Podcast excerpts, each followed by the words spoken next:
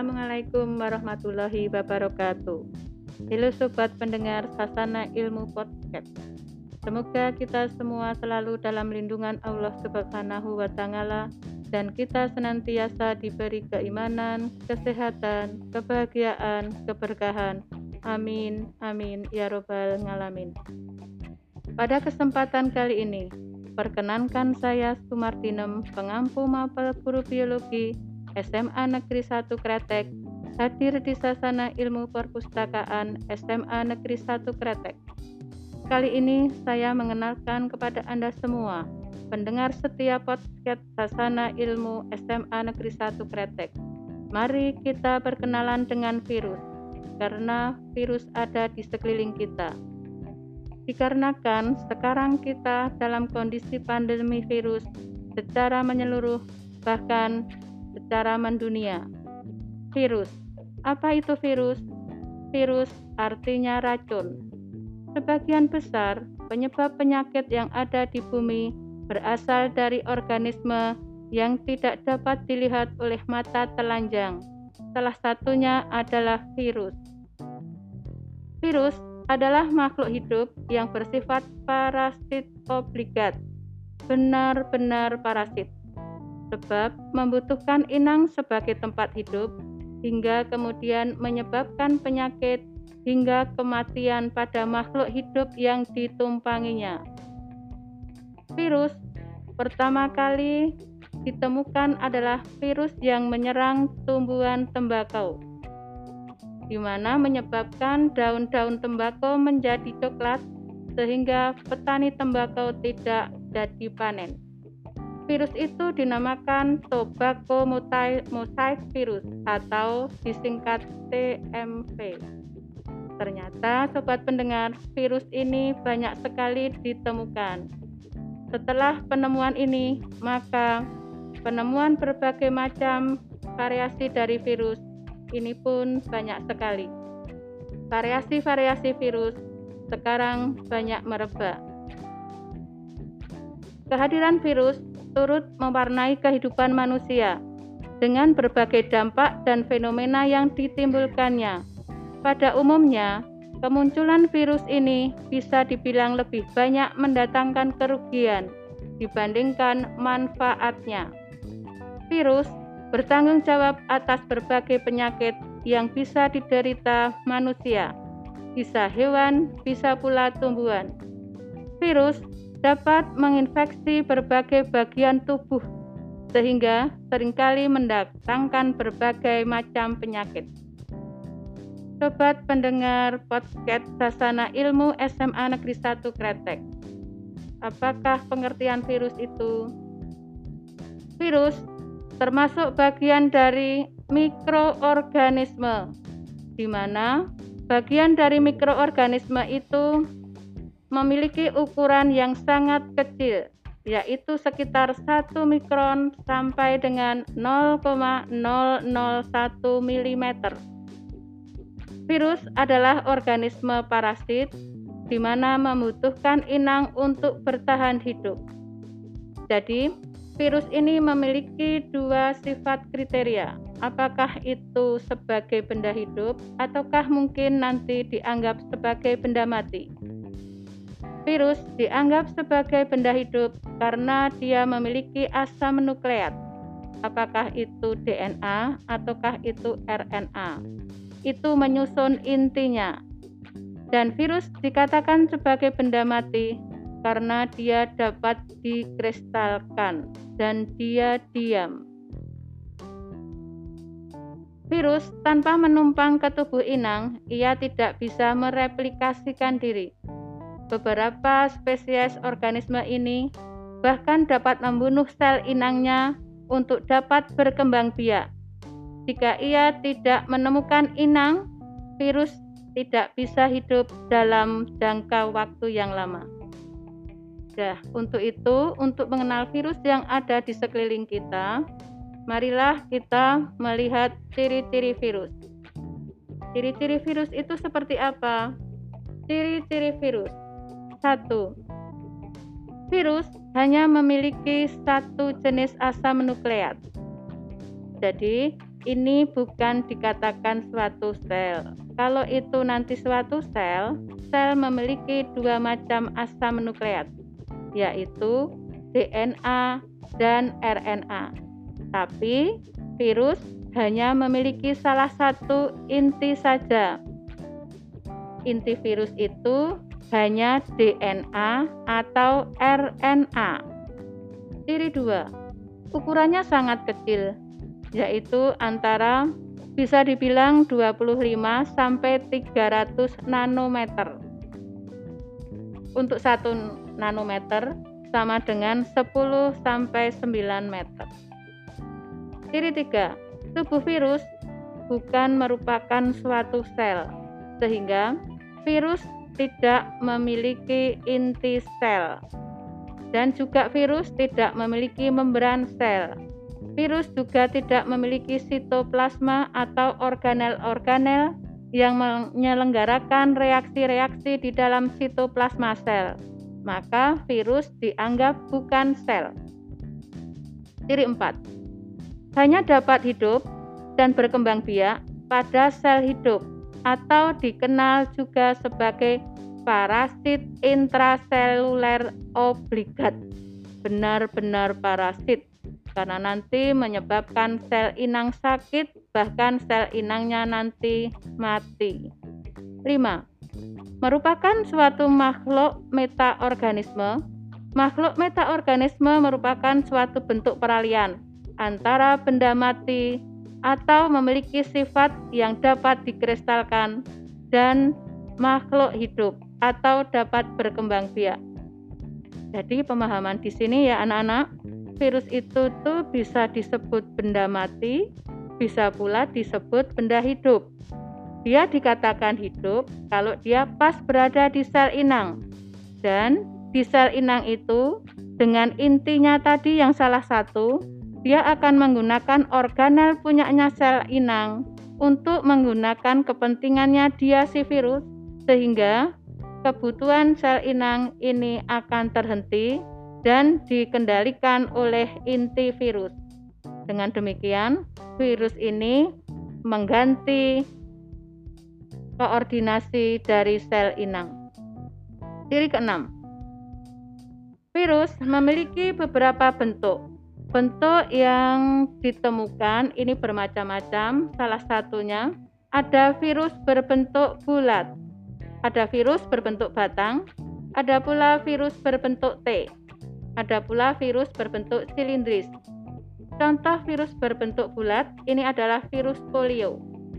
Kalau yang berbentuk T ini sebagai contoh adalah bakteriofag atau virus di mana dia menyerang E. coli. Jadi bakteri ternyata bisa diserang oleh virus nama bakterinya Escherichia coli, nama virusnya bakteriofag atau dinamakan virus berbentuk T. Itu nanti ternyata bisa menyerang bakteri.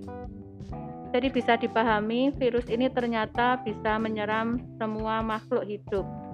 Tidak hanya manusia, tapi di sekeliling kita virus bisa menyerang tumbuhan, tadi pada tobacco mosaic virus, dan banyak lagi sebenarnya untuk tumbuhan yang diserang virus. Ada pula pada hewan, ada pula nanti pada bakteri. Macam-macam virus yang menyebabkan penyakit dan nama penyakit yang menyerang manusia. Contoh penyakit yang menyerang pada manusia. 1. Influenza. Itu juga disebabkan virus.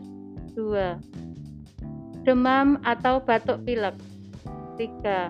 SARS 4. MERS COVID 5. Virus COVID-19 6. Campak Jadi sakit campak ini penyebabnya juga virus Campak Jerman Ini hampir mirip tapi ini ternyata memiliki strain virus tersendiri 8. Herpes Herpes simplex biasanya ini menyerang permukaan kulit tubuh pada manusia sehingga menyebabkan membran mukus ini nanti pada kulit melempuh atau mungkin pada alat kelamin dan juga di sekitar mulut kita sehingga muncul bintik-bintik berisi air. 9. Virus Ebola. Virus Ebola ini pernah epidemi di daerah eh, Afrika, di benua Afrika, di mana di daerah Zaire dia ternyata bisa membunuh banyak orang dengan gejala gejala sesak nafas, ada pula nanti pendarahan yang banyak dikeluarkan, baik itu pendarahan dalam maupun pada pendarahan luar. Jadi Ebola ini pernah menjadi epidemi di benua Afrika. 10. Polio. Jenis virus polio ini ternyata dia bisa menyerang pada saraf motorik pada vertebrae. Jadi bukan hanya pada manusia, tapi ternyata pada kelompok hewan bertulang belakang. Sehingga saraf motorik menggerakkan kaki ini nanti akan mati dan menyebabkan kelumpuhan. Terutama kalau pada anak-anak nanti adalah polio ini pada kakinya tidak bisa berkembang seperti pada umumnya anak-anak normal maka kaki akan menjadi mengecil.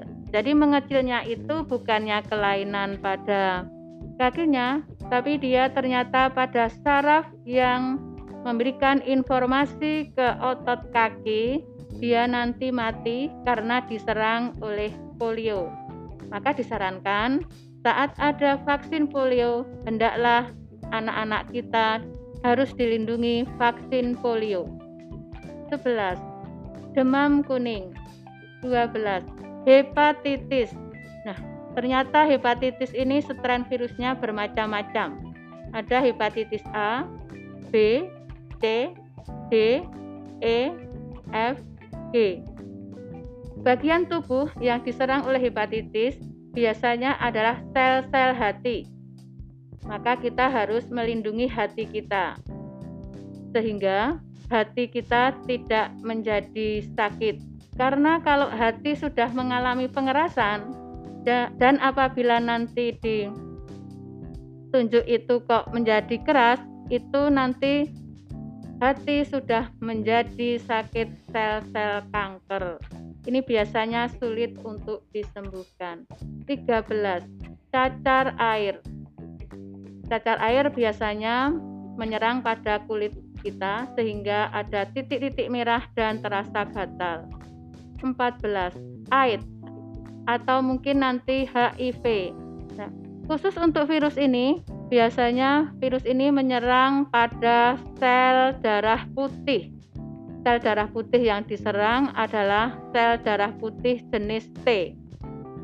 Padahal sel darah putih jenis T ini memberikan informasi kepada sel darah putih jenis B yang akan memproduksi antibodi atau kekebalan tubuh. Jika sel T diserang, maka nanti sel B tidak akan menghasilkan antibodi. Maka sakit HIV pemahamannya adalah orang tersebut tidak memiliki antibodi untuk menangani berbagai antigen dari luar tubuh sehingga semua antigen bisa masuk ke dalam tubuh kita. 15. Sakit gondong.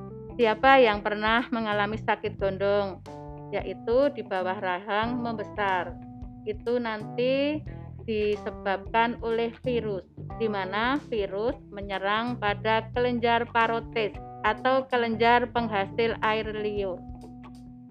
Virus yang lain sebagai contoh penyakitnya adalah flu burung, mata belek, virus Ebola tadi yang menyerang di benua Afrika. Itulah macam-macam penyakit yang disebabkan oleh virus.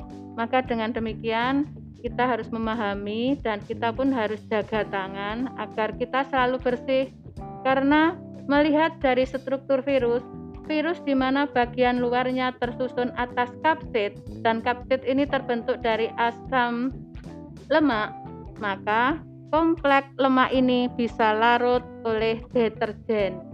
Maka sering-seringlah mencuci tangan dengan menggunakan deterjen, apa itu sabun atau mungkin atis atau mungkin alkohol sehingga kulit virus ini bisa larut dan inti DNA atau RNA tadi bisa terurai, maka virus akan mati. Sehingga ini merupakan salah satu pencegahan agar kita tidak tertular oleh virus dari luar karena struktur penutup dari sifat hidrofobik dari si kapsid tadi ya maka diperlukan sabun untuk menghilangkannya minimal kalau menggunakan kandungan alkohol ya kandungan sekitar 60% sehingga alkohol tadi bisa berikatan dengan kapsul virus dan bisa memecah struktur virus sehingga virus mati.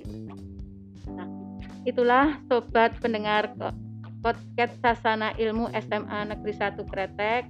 Demikianlah ulasan tentang mari kita berkenalan dengan virus dan kita harus menjaga agar kita selalu hidup dengan sehat dan kita tetap higienis. Semoga pertemuan kali ini bermanfaat dan saya tutup sekian. Assalamualaikum warahmatullahi wabarakatuh. Sampai jumpa. Thank you. Mm-hmm.